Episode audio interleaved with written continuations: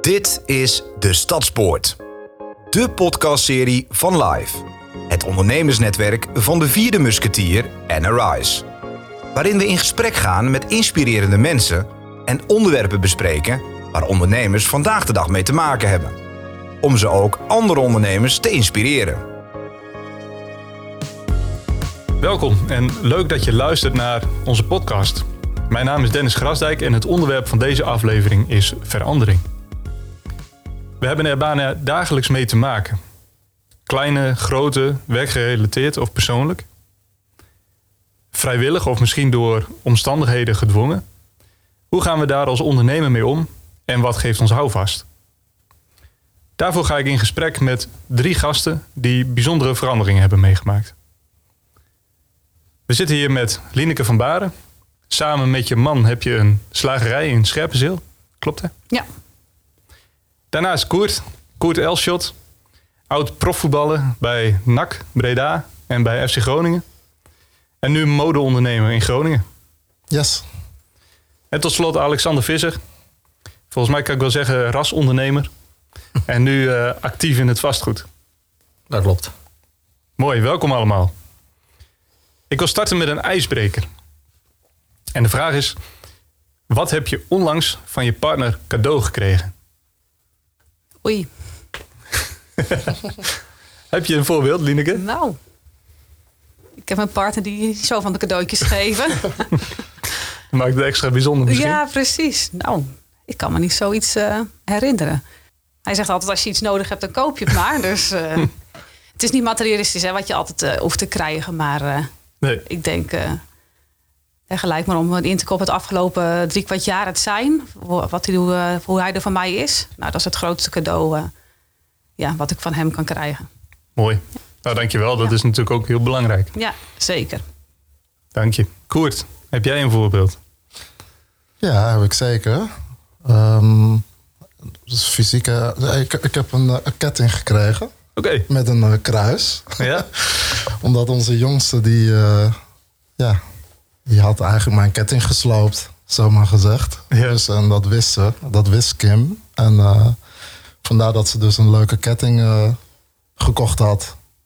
Ja. Maar goed, als je het over een cadeau hebt. eh, eh, eigenlijk wat ik nog mooier vond, is dat we onlangs samen op de bank zaten. En zij ja, hele mooie, mooie woorden naar mij uitsprak. Over, over liefde, wat ze voor mij voelt en hoe, ze, hoe ze mij ziet. Ja, dat is een, eh, een mooie cadeau kan je eigenlijk niet krijgen, denk Nee, ik. precies. Leuk materialistisch, maar toch de liefde die je dan ervaart, dat is het mooiste cadeau die je krijgt. Tuurlijk, want dat, Ja. is, ja, dat is waar iedereen uiteindelijk denk ik ook naar verlangt. Ja. Dus het is altijd mooi om een compliment te krijgen natuurlijk daarover. Ja. Nou, Alexander, heb jij een voorbeeld? Nou, ik heb er lang over nagedacht. Als langste tenminste, nu omdat ik de laatste ben. Maar voor mij geldt een beetje hetzelfde. Wij, eh, ja, bij ons is het zo, als je wat nodig hebt, dan koop je het. En, eh, maar wat ik me gisteravond wel realiseerde, ik was laat thuis. En ik moest vanmorgen alweer redelijk vroeg eh, uit bed. Toen dacht ik van ja, weet je, Marieke die is er altijd voor mij. En ze geeft me ontzettend veel ruimte en moedigt me ook aan om dit soort dingen te doen. En eh, nou, ik heb net gezegd ook al voorafgaand aan het gesprek, we hebben vijf kinderen. En nou, dat is zeker in deze tijd best wel een, een uitdaging om dat allemaal een beetje Hmm. aan te sturen en gezellig te houden vooral ook. Dus ik, ze geven me ontzettend veel liefde en ruimte ook. En eh, ja, om dit soort dingen te doen en bemoediging daarin. Dus ja, dat. Mooi. Eigenlijk klinkt het bijna hetzelfde allemaal. Hè? We hebben heel veel liefde eh, ervaren en ontvangen. En ruimte gekregen om, om leuke dingen te doen. Gaaf, bedankt. Dan gaan we eens even kijken, inhoudelijk. We zitten hier allemaal eh, als ondernemers aan tafel. Daarin ook te maken gehad met veranderingen. Maar in eerste instantie wil ik eens vragen van wat heeft jou bewogen om te gaan doen wat je doet? Koert, kan jij daar eens iets over vertellen? Ja, dat kan ik wel. Ik heb, eh, ja, misschien moet ik ergens anders beginnen. Ik heb als kleine jongen eigenlijk altijd de droom gehad om, eh, ja, om voetballer te worden. Mhm. En, eh, maar ja, niet realiserende dat, je, dat de kans natuurlijk heel erg klein is dat je dat ooit mag gaan uitoefenen. Nou goed, ik heb gelukkig ben ik gezegend geweest met een beetje talent en veel werklust. En eh, ja, uiteindelijk heb ik het ook v- 15 jaar eh, lang mogen doen. Maar daarnaast was ik eigenlijk altijd wel eh, geïnteresseerd in wat andere mensen deden. Ik was wel voetbaldier in die zin, ik vond het leuk om te doen, om uit te oefenen. Maar een, een echt voetbaldier in de zin van heel veel wedstrijden kijken, et cetera, dat niet zozeer. Maar mijn hart klopte altijd wel van, van mode en van ondernemerschap. En ik vond het altijd heel interessant hoe mensen van niets iets maakten. Hè, dan niet per se met handen, maar gewoon eh, ja, je droom navolgen, zeg maar. Ehm, nou, ik had in een eerder stadium natuurlijk al ervaren hoe het was om van je hobby je werk te maken. Door middel van sport. Maar ja, op een gegeven moment klopte mijn hart daar niet meer zo voor. En toen besloot ik eh, om de deur achter me dicht te gooien. En toen eh, nou, ben ik wel, wel letterlijk met mijn handen gaan werken. Omdat ik kledingontwerp hartstikke mooi vond. Nou, zo ben ik een aantal cursussen gaan volgen. En, eh, en vervolgens ben ik daar ook wat mee gaan doen. En dus ook eh, ja, zelfs stukken eh, gaan ontwerpen en letterlijk maken. Dus dat was gewoon een andere passie die ik had in het leven. Ja, precies. Mooi. Eigenlijk ge- bewust gekozen om iets anders te gaan doen. Dus echt voor een, een verandering gekozen. En, maar wel gedreven door eigenlijk iets wat er al in zat. Van vroeger uit. Ja, Ja. Gaaf. Had je daar ook in een groot voorbeeld? Dat je denkt van, hé, hey, eh, daar trok ik me een beetje aan op. Eh, niet zozeer. Ehm, ik, ja, ik denk dat je gewoon als, als mens zijn ook bepaalde karaktereigenschappen of gaves of talenten meekrijgt. En ja, ik denk dat het een van de dingen was die ik ja, bezat, zeg maar, of had. En ehm, ja, dan is het ook maar net welke keuzes je maakt en waar je voor wil gaan. Ik denk dat in de sport veel makkelijker was om, eh, ja, om je weg te vinden. In die zin, hè, ik deed het natuurlijk al, al langere tijd. En eh, nou ja, financieel is het natuurlijk ook nooit eh, als sporter zijn, als voetballer zijn, vooral om, eh, ja, om je geld te verdienen. Maar goed, op, op een gegeven moment dacht ik daar niet aan, want ja, je wil ergens van vervuld worden en, eh, eh, en een voldoening krijgen. En ja, ik heb eh, meer, van meer mensen gehoord eh, ja, dat ik min of meer gek was om te stoppen. Ja. Maar goed, ja, je moet toch ergens je hart volgen. En dat heb ik eh, uiteindelijk gedaan zonder te kijken naar consequenties of et cetera. Ja, ik ben. ik, ik heb eigenlijk ook nooit spijt gehad Nee. dat ik ben gestopt. Dus ik denk wat dat betreft dat het een goede keuze is geweest. En ja, ik heb het gewoon aangepakt. Ik ben het ook aangegaan. En ja, dat vond ik gewoon hartstikke mooi om te doen. Dus eh, ja, in de tussentijd is er wel wat veranderd. Het is niet een hele makkelijke markt om, om zeg maar eh, Nee. eh, geld te genereren of je staande te kunnen houden. En daarin heb ik wel een switch moeten maken. Ja. Ja, vandaar dat ik op dit moment ook wat meer commerciëlere kleding verkoop. En, en, maar goed, gelukkig nog wel in een eigen winkel kan staan. Ja, mooi. Gaan we zo nog even op door. Lineke, jij zit met je man in een slagerij. Is dat ook echt een, een bewuste keuze geweest om daar samen mee aan de slag te gaan? Voor jou? Ja, op den, eh, op den duur wel. Ehm, ik ben eigenlijk eh, van, nou ja, waar ik voor geleerd heb is juf. Ik riep altijd, ik wil moeder en juf worden. Ja. Nou, dat is eh, allebei gelukt, zou ik zeggen. Maar ehm, toen bij onze jongste werd geboren, ruim tien jaar geleden, merkte ik toch wel van, ja, ik was en juf nou ja, en moeder. Mijn man heeft nog twee oudere meiden waar ik ook graag voor zorgde. En ik hielp graag in de winkel. Dus voor, mijn, vro- voor mijn gevoel was ik altijd aan het heen en weer rennen en aan het vliegen. Dus toen hebben we de knoop doorgehakt van nou, eh, je zegt je baan op als, eh, als juf. En eh, we gaan ervoor om samen de winkel te gaan doen. Nou, het rennen en vliegen, daar veranderde niks aan. Maar het was wel, en het is heerlijk om, om samen gefocust te zijn op je winkel en op je gezin. Daar, Ja, ja. ja precies. En van huis uit was ik het ondernemen ook al wel gewend. Mijn ouders die stonden altijd met kaas op de markt. Oké. En daar hielp ik ook graag. Dus eh, wat dat betreft zat het ondernemersbloed er al wel in. Dus dat kon ik mooi, eh, kon ik mooi mee verder. Ja. Ja. Heb je er ook voor gekozen omdat het eigenlijk ook wel je hart had om te ondernemen? Of was het meer van, joh, die combinatie, dit eh, wordt lastig? Nou, ook wel het ondernemen. Want dat vind ik ook gewoon echt wel heel leuk. Ik eh, heb altijd geroepen, stilstand is achteruitgang. Dus eh, altijd wel verder willen denken. En ja, daarin kon ik denk Sander ook wel heel goed aan- aanvullen. Zeg Ja. maar, ja, en daarin zijn we ook de afgelopen jaren ook weer samen gegroeid. Dus dat is ook wel erg leuk om te zien. Dankjewel. Nou, Alexander. Hoe, eh, jij hebt een, eh, ja, ook wel een, een, een loopbaan achter je rug met verschillende ondernemingen ook wel. Nu eh, actief in het vastgoed. Ja. Is dat ook een bewuste keuze geweest om echt in het vastgoed aan de slag te gaan? Nou, Dat is een goede vraag. Eigenlijk niet eens. Dat is een beetje toevallig zo ontstaan. Ik ben iemand die, ehm, ja, als ik kansen zie, dan vind ik het lastig om ze te laten liggen. En dat is mijn ondernemershart, zeg maar. Na een hele lange, of tenminste 20 jaar in de groente- en fruit eh, wereldwijde business gezeten te hebben. En het reizen echt helemaal meer dan beu te zijn, dacht ik van het is tijd voor iets anders. En toen, ehm, mijn bedrijf had ik al, was ik al geen eigenaar meer van. Ik ben nog 4,5 jaar lang aangebleven als eh, commercieel directeur. En eh, op een gegeven moment dacht ik van het is nu goed geweest. En toen dacht ik van nou, ik ga drie tot zes maanden niets doen. Nou, toen liep ik eh, er toch wel tegenaan dat ik dat echt niet kon.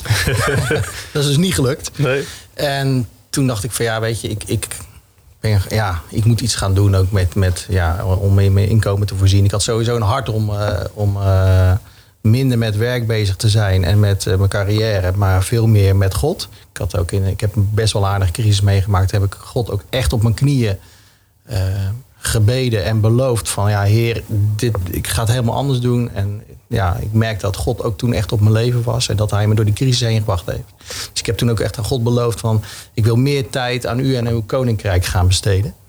En eh, nou, het, het vastgoed was voor mij daar wel eigenlijk wel een mooie combi in. Ik, was van oorsprong gewend om iedere ochtend al een kwart over zes achter mijn bureau te zitten. En Hmm. eh, ja, s'avonds om zes of zeven uur naar huis te rijden. En dan nog drie, vier maanden op reis te zijn over de hele wereld. Ja, en vastgoed, als ik om eh, negen uur de straat in rijd, dan ben ik nog de eerste in Rotterdam. Dus Ja, precies.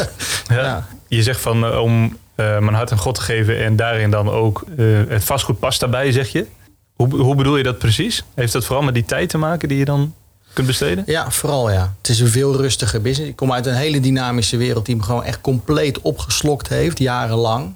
En eh, achteraf zeg ik ook van ja, ik weet niet hoe, hoe ik het gedaan heb. En ik zou, ook niet meer, ik zou het niet meer terug willen, maar ook niet meer kunnen. Hmm. Ik zou niet weten hoe ik op deze manier eh, mijn pensioengerechtigde leeftijd moet gaan halen. Ik, ik, ik snap daar helemaal niks van. Ik snap ook niet hoe mijn vrouw dat ooit gedaan heeft hoor.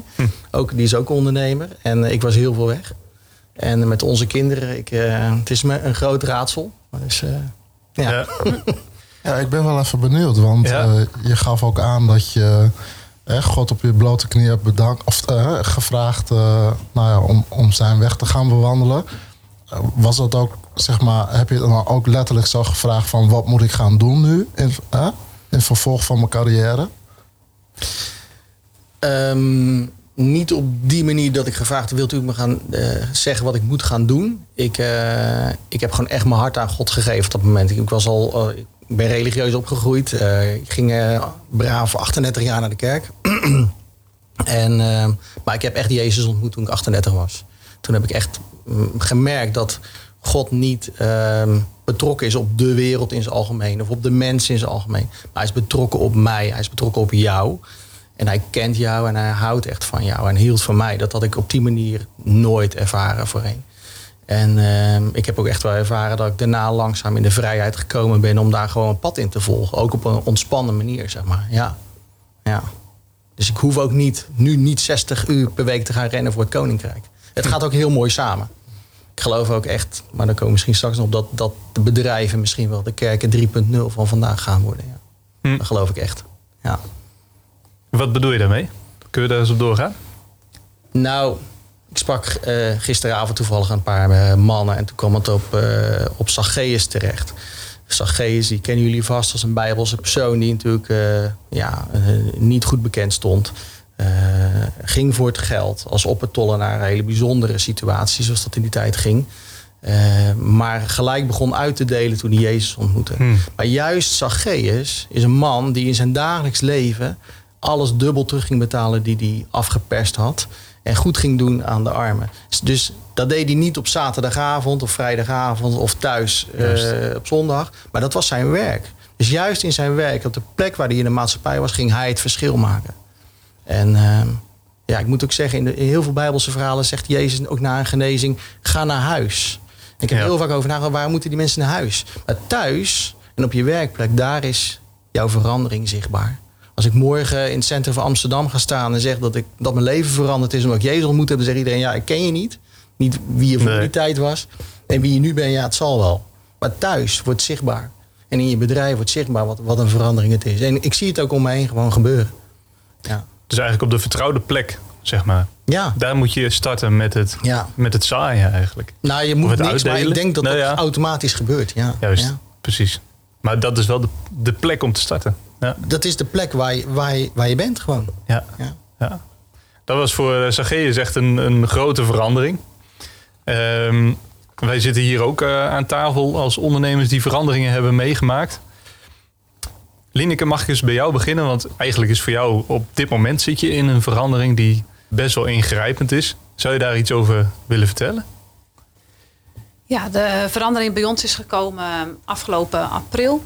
Ik ging voor een, eh, een pijntje naar de huisartsenpost op, op zaterdag tussen de middag. Ik was die dag gewoon aan het werk, want eh, ja, ziek zijn hoort niet. Eh, ja, als je 's morgens niet zo lekker eh, voelt, dan neem je paracetamol en je gaat aan de gang. Maar tussen de middag voelde het echt niet lekker. Ik denk, ik moet toch even iets van een spierverslappertje of zo hebben voor het weekend. En zo ben ik bij de huisartsenpost eh, terechtgekomen. En ja, eh, de weg ernaartoe dacht ik, oh, dit is echt ook weer zo van... je gaat naar de tandarts en als je er bent heb je geen kiespijn meer. Want voor mijn gevoel zakte het wel weg. Maar eh, toen ik daar was, eh, ja, vertrouwde de huisarts het eh, toch niet helemaal. Ze had zoiets van, nou, ga maar even naar de... wat is dat, spoedeisende hulp noemen ze dat, geloof ik.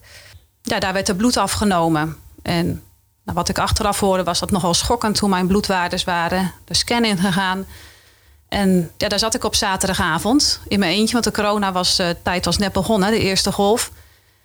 En daar kreeg ik te horen dat ze vlekken hadden gezien op mijn leven. En ja, dan vraag je van, oh, is dat de kanker? Ja, dat, is, eh, dat kan kanker zijn, maar u bent nog, eh, nog zo jong, en een schaal van 1 tot 10. Nou, het kan nooit, zo, kan nooit ernstig zijn. Maar ik moest wel blijven. En eh, de volgende dag werd er weer een scan gemaakt. Die eh, zondagmiddag werd mij verteld dat ik eh, galwegkanker had. En eh, ja, dat ik niet op genezing moest rekenen. Maar levensver, ja, dat, wat ze gingen doen was levensverlengend. Maar op zo'n moment hoor je alleen van... nou, we eigenlijk kunnen niks meer voor je doen. En dan ga je mee naar huis. En toen begon eh, bij ons de, de verandering. Hmm. Ja, en, eh, ja, zoals je begrijpt hakt dat er eh, heel goed in, ja, heel Ja. erg in. En ja, ga je onderzoeken verder in. Het bleek later dus niet galwegkanker kanker te zijn, maar darmkanker met uitzaaiingen naar mijn lever. En ja, kort samengevat, we gaan chemo's beginnen. Maar je moet er niet op rekenen dat u geopereerd kan worden, want die kans die schatten we heel klein in. Wat we gaan doen eh, is eh, ja, eh, met oog op levensverlengend. Maar eh, nou, Hoe zijn jullie daar toen mee omgegaan? ja, je bent eerst in shock. Hmm. Ja, enorme shock. Hè. Als je daar zoiets aan je kinderen moet vertellen, dat, eh, ja, dat gaat gewoon tegen al het gevoel in. Maar eh, ja, dan ga je s'avonds naar bed en dan word je s'morgens wakker. En dan denk je, oh, het is echt zo. En dan word je, je zou denken, je valt huilend in slaap, maar je wordt gewoon huilend wakker. Dat, eh, ja, dat gebeurt er dan, maar wel gewoon. eh, het bijzondere is dat ik eh, eind vorig jaar, dus eind 2019, dat was de laatste zondag van het jaar. We hebben bij ons in de kerk het lied gezongen, Stil, mijn ziel, wees stil en wees niet bang voor de onzekerheid van morgen. En wat ik straks zei van werken, stilstaan is vooruitgang, zo... nee, stil- stilstand is achteruitgang, zo is het. Ja. Zo, zo leefde ik en zo dacht ik. En ik zat altijd s'avonds wachten op de computer om te kijken of we die, die dag wel meer omzet hadden gedraaid dan het jaar ervoor. En ik dacht, nou ja, dat is. eh, er gaat dus waarschijnlijk zakelijk iets gebeuren in 2020. Maar we Ja. hoeven er niet bang voor te zijn. En nou, zo gingen we het nieuwe jaar in. Toen kwam de corona, toen hadden we een, eh, een reisavond, een vuuravond online. En toen kwam dat lied, kwam weer in mijn gedachten. En dat was in de week van april. Ik denk, oh, dat heeft met corona te maken. Hè? We moeten waarschijnlijk ook een keer dicht. En eh, ja, hoef niet bang te zijn. Totdat ik eh, dus die zaterdag in het ziekenhuis kwam en die boodschap krijg. En het eerste wat ook in mijn gedachten weer kwam, was dat lied. Stil mijn ziel, wees stil en wees niet bang voor de onzekerheid van morgen. En Sanne was op dat moment, die mocht niet bij mij zijn. Dat waren de regels toch echt nou ja, extreem streng. We mochten elkaar, nou ja, bij gratie eh, dan even zien.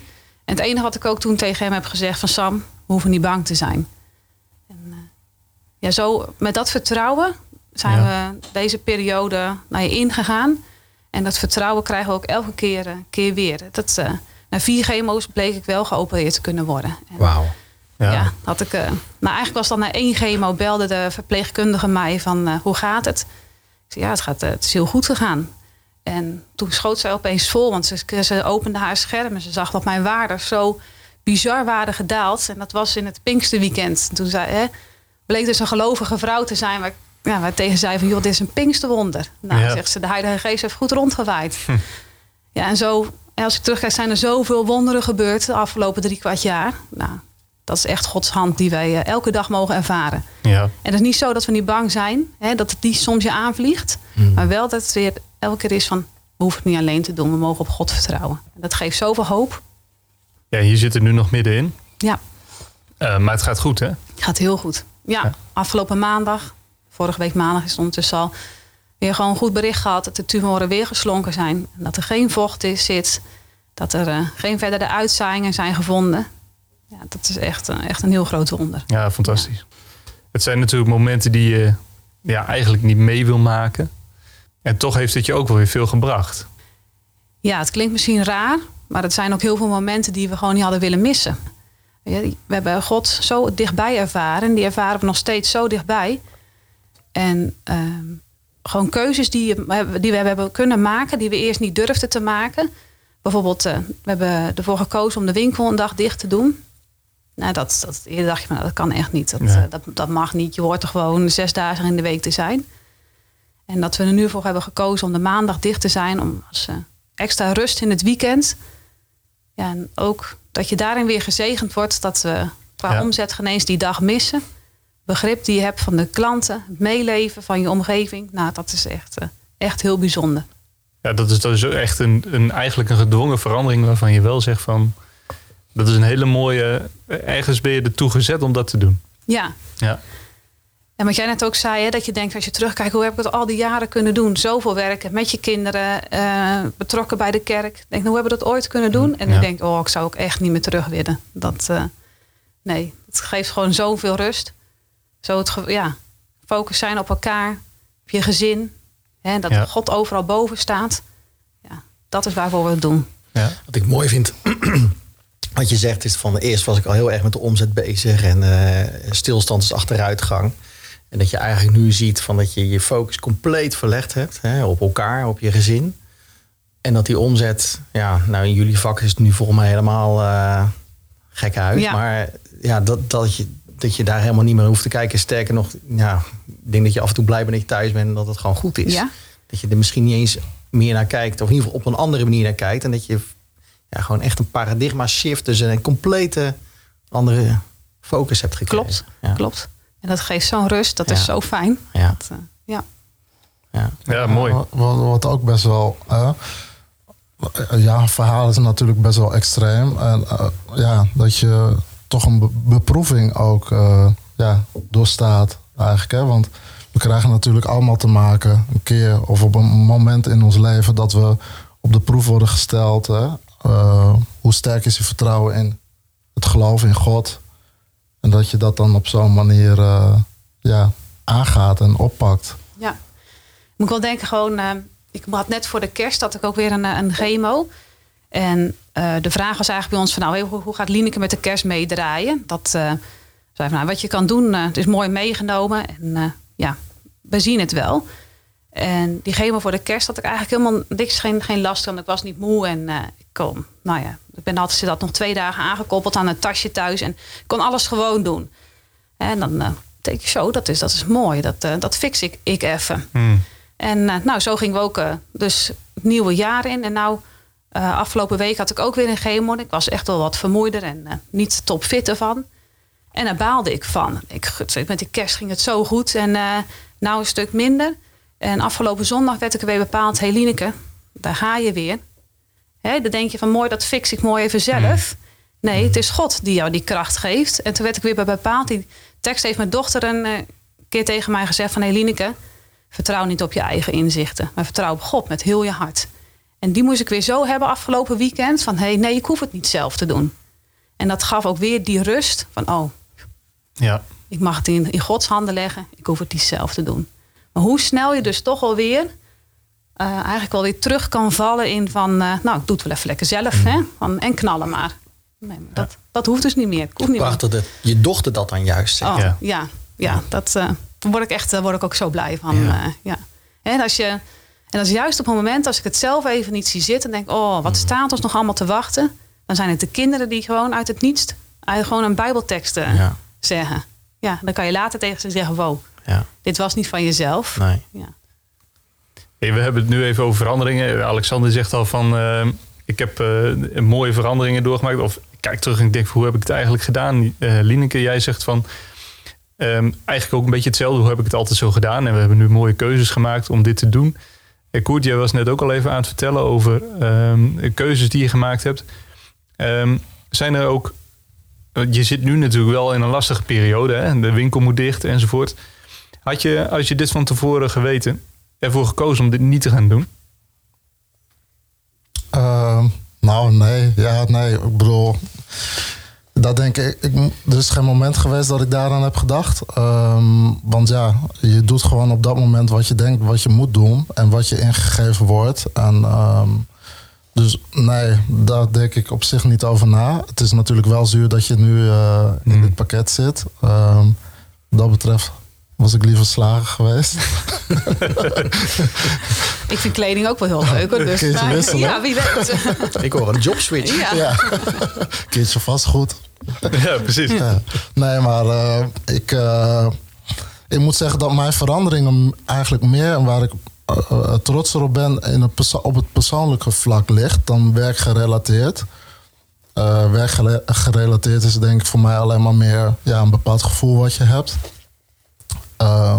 Maar mijn verandering zit er meer in, ja, in de bekering, zeg maar, mm. van een aantal jaren geleden. En dan uh, merk je gewoon wel dat je als mens wel echt verandert. Dat je vanuit andere perspectieven en andere ogen gaat kijken naar het leven, wat je leidt of hebt, de dingen die je hebt gedaan, ja, waar je ook, waar God ook verandering in jou in brengt, zeg maar. Um, Hoe heb je dat het sterkst gemerkt? Waar merk, waar merk je het vooral in? dat je die verandering hebt meegemaakt?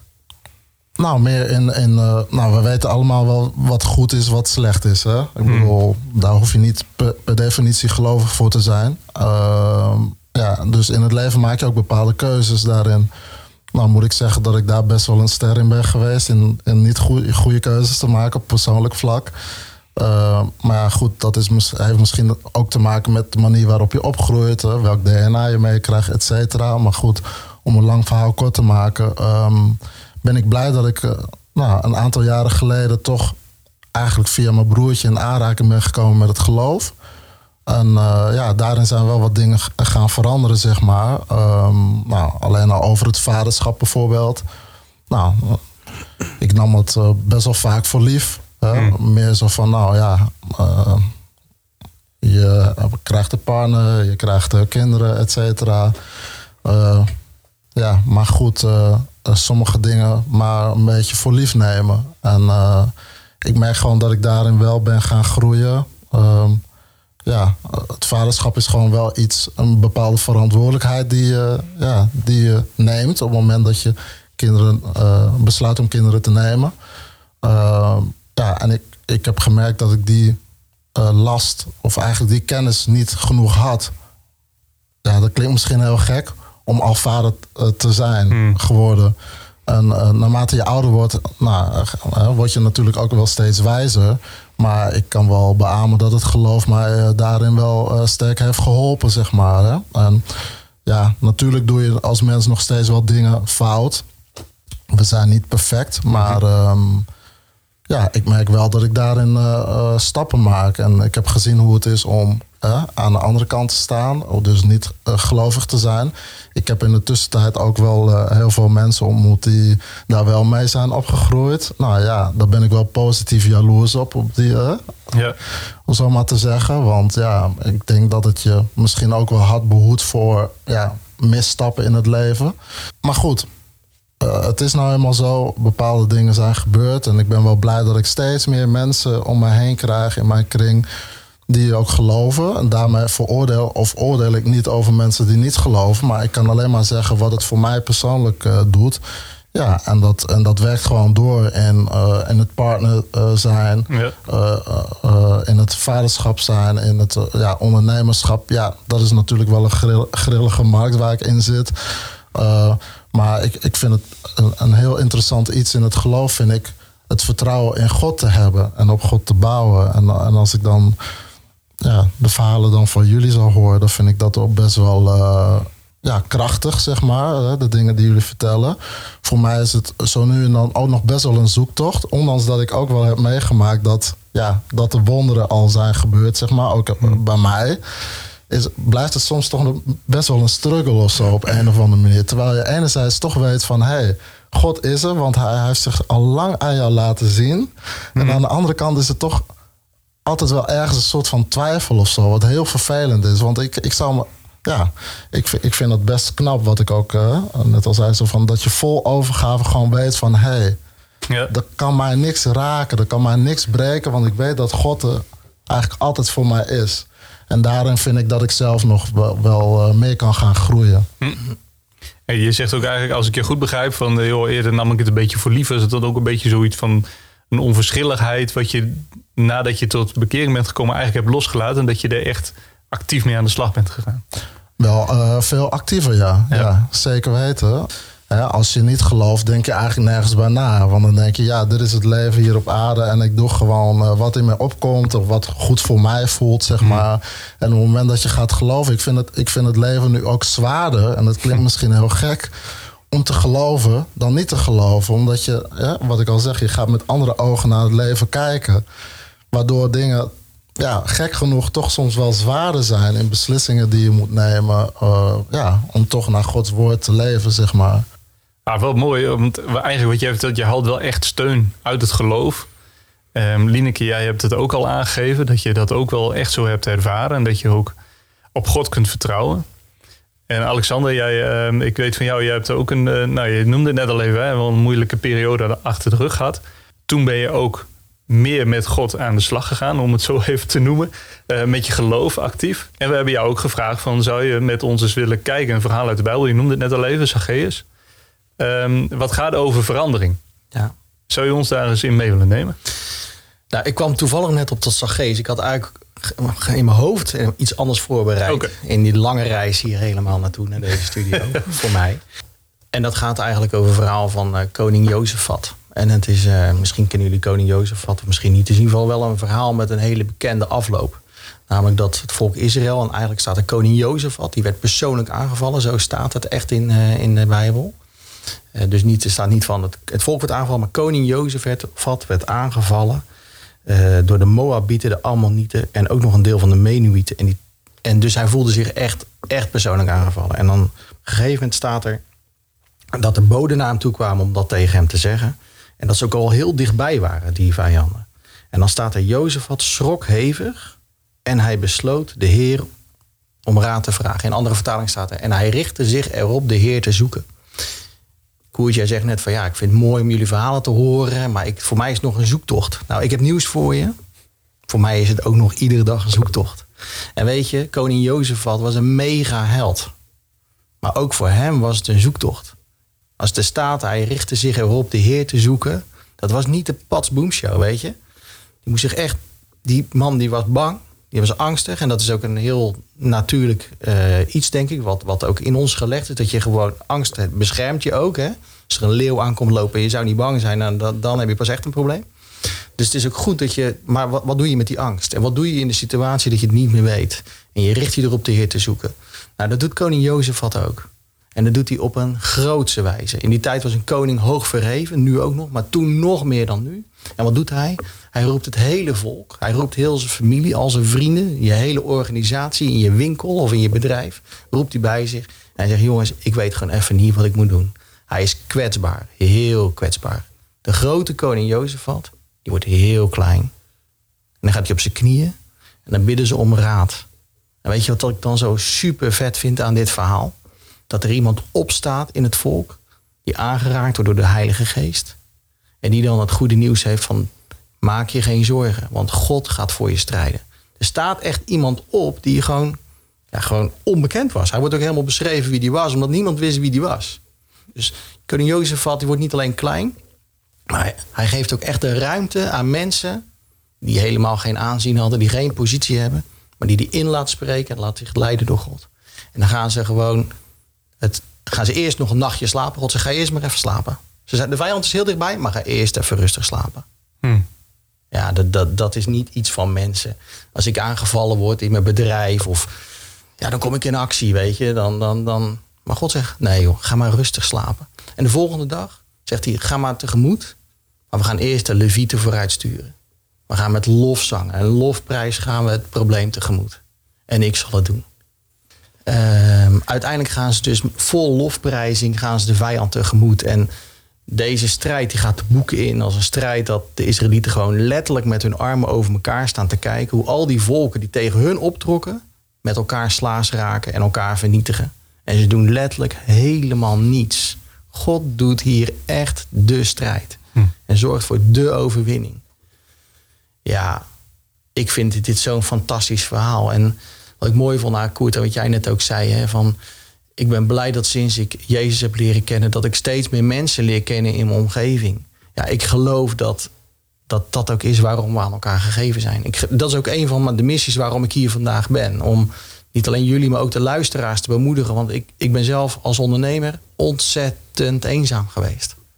Juist op dit soort gebieden. Ik ging altijd in de actie, ik ging altijd op pad. Ik ging er altijd tegenaan. Inderdaad, wat zei je, hoe heet het, stilstand is achteruitgang. Nou, ik ging heel de wereld over en het was niet gek genoeg. De wereld was eigenlijk te klein. En nu ben ik gewoon lekker in, me, in het dorp Rotterdam, zoals ik er dan naar kijk. En ja. Ik denk ook wel dat het nodig is, hè? want uh, natuurlijk, de Bijbel is natuurlijk, uh, dat vertelt eigenlijk alles. Alleen ja, hier fysiek heb je ook mensen om je heen nodig met wie je kan communiceren, natuurlijk, met, je, met wie je gevoelens kan, kan uitspreken. En, en ja, bedoel, en dat zijn toch de mensen die hier zijn. Hè? Dus ja, ik moet ook zeggen dat ik uh, er ontzettend veel steun uh, nog steeds uithaal. Als ik ergens mee zit, dan ja, kijk ik weer naar die telefoon. Denk ik, ja, kom ik weer? Moet ik weer iemand gaan bellen? Hm. Nou ja, ik, en, en ja, hoe gek het ook klinkt, ze staan er ook altijd, hoe groot je probleem ook is, ze staan er altijd open voor. Ze zijn er altijd. Ik heb in een situatie gezeten dat ik ja, eigenlijk helemaal niet meer wist. Het klinkt heel dramatisch, maar wat ik moest doen.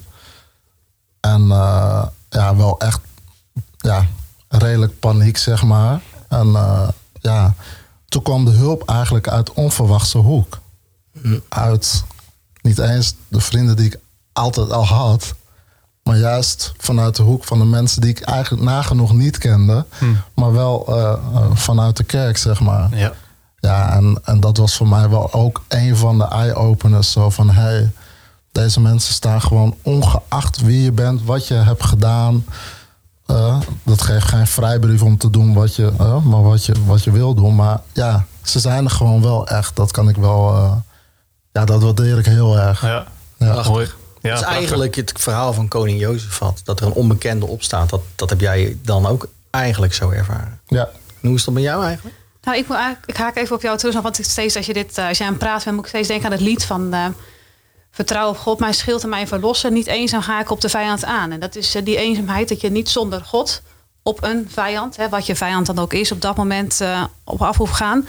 Maar ook dus de mensen die God op jouw pad brengt hè, en nog en gebracht heeft dat die jou ook gewoon helpen om op uh, de vijanden, de tegenslagen of wat dan ook, hè, wat je ook zei, van wat er ook gebeurt in je leven, dat daar niet in je eentje op af hoeft te gaan. Dat hij steeds weer mensen op je pad brengt om uh, jou daarin te helpen. En dat is niet alleen bij jou, dat is bij ons allemaal natuurlijk. En dat vind ik ook zo, zo mooi om te zien, hè, dat je, ja, je hoeft niet eenzaam te zijn. En dat is ook de oproep natuurlijk in deze tijd, om zo ook naar andere mensen om je heen te kijken. Van, uh, let alsjeblieft op dat er geen, dat er geen eenzaamheid om je heen is. Mhm. En dat is ook echt de opdracht die God uh, ja, aan ons geeft. Ja. ja. Wat vroeg jij nou? Dat Hoe dat voor jou was. Oké, ja. precies. Nee, kijk haak even in. Dan, uh, ja, ja. ja, mooi. Ja, want uiteindelijk, uh, jij zegt, Koert, van, krijg uit onverwachte hoek krijg je dan steun. En Lineke, jij vertelde al even dat je kinderen dan ineens beginnen te vertellen hè, over... Um, waar je misschien niet ineens niet eens direct van verwacht, maar waar je dan wel echt die steun van kunt ervaren. Ehm, gestuurd door God. En wat, wat jij eigenlijk ook zegt, Koert. Ja. En wat uh, Alexander jij als geval als voorbeeld geeft, koning Jozefat. Ja. ja. ja. Nou, dat heb ik zelf ook wel zo ervaren. Ik had een uh, bedrijf ook in Zuid-Afrika. En mijn uh, compagnon daar, ja, die, die heeft me gewoon echt dingen laten zien die ik Ondanks het feit dat ik al eh, jarenlang eh, naar de kerk ging, alles die ik gewoon niet zag. En dat zegt gewoon iets over mij. Ik was er gewoon zelf voor gesloten blijkbaar of zo. En uh, ja. Ja. Toch Mooie tijd. Heel Ja. ja, ik moest ervoor naar Kaapstad. Nou ja, was geen straf, kan ik je zeggen. Ja, precies. Nee. Ja. Mooi, we gaan naar het einde van de podcast. Ik wil afsluiten met een, een tip. Een tip om iets te lezen, te luisteren of te kijken. Koert, jij had al even gereageerd eh, op de vraag. Ehm, een boek. Kun je daar iets over vertellen? Ja, een boek eh, had ik gekregen van een vriend. eh, van mij, van de kerk ook. En ehm, eh, het gaat om, de, om het boek De Uitnodiging van W. Paul Jong. Ja, het gaat eigenlijk over een man die nou, huisje, boompje, beestje, ehm, een gezin heeft. Eh, ze gaan, eh, vervolgens gaan ze op avontuur op een, eh, op een kamp. En nou ja, dan volgt de verdwijning van, van een dochter Hmm. van hem. En ja, de rode draad in het, in het verhaal van het boek is eigenlijk dat hij, ja, dat hij God ontmoet, maar dan in een andere gedaante, zeg maar. Het, het is heel laagdrempelig, zeg maar, om te lezen. Dus je hoeft niet per definitie zwaargelovig te zijn of Nee. iets. Het is gewoon een lekker boek om, om lekker makkelijk door te lezen. En ik, ja, ik, ik vond het een heel mooi boek om, eh, om te zien hoe God ook eh, kan werken, zeg maar, door mensen heen. Ja. Heb jij nog een, eh, een tip, Lineke?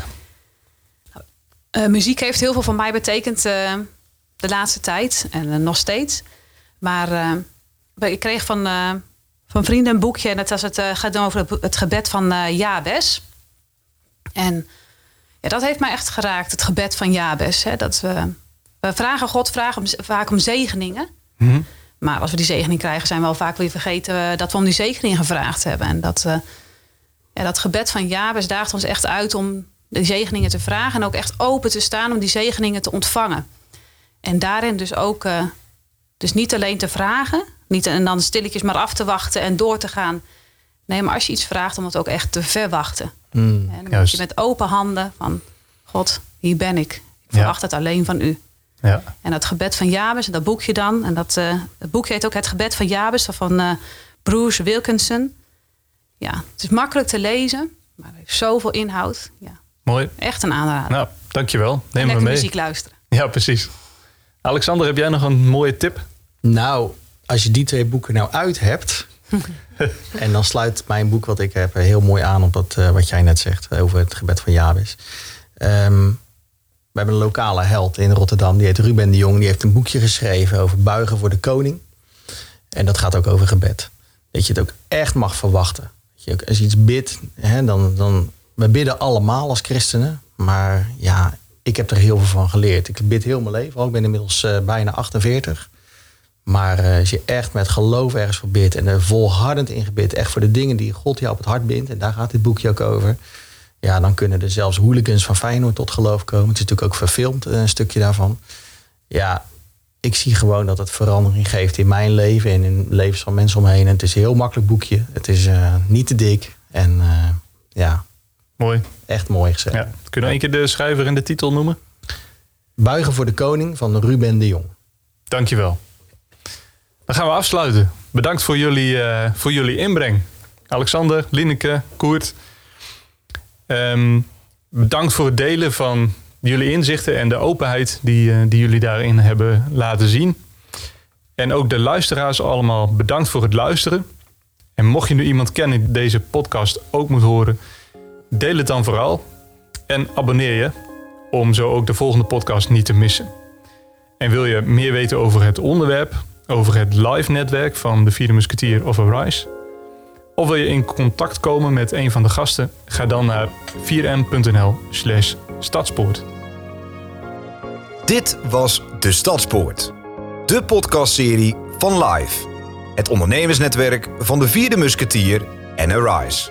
Graag tot de volgende keer.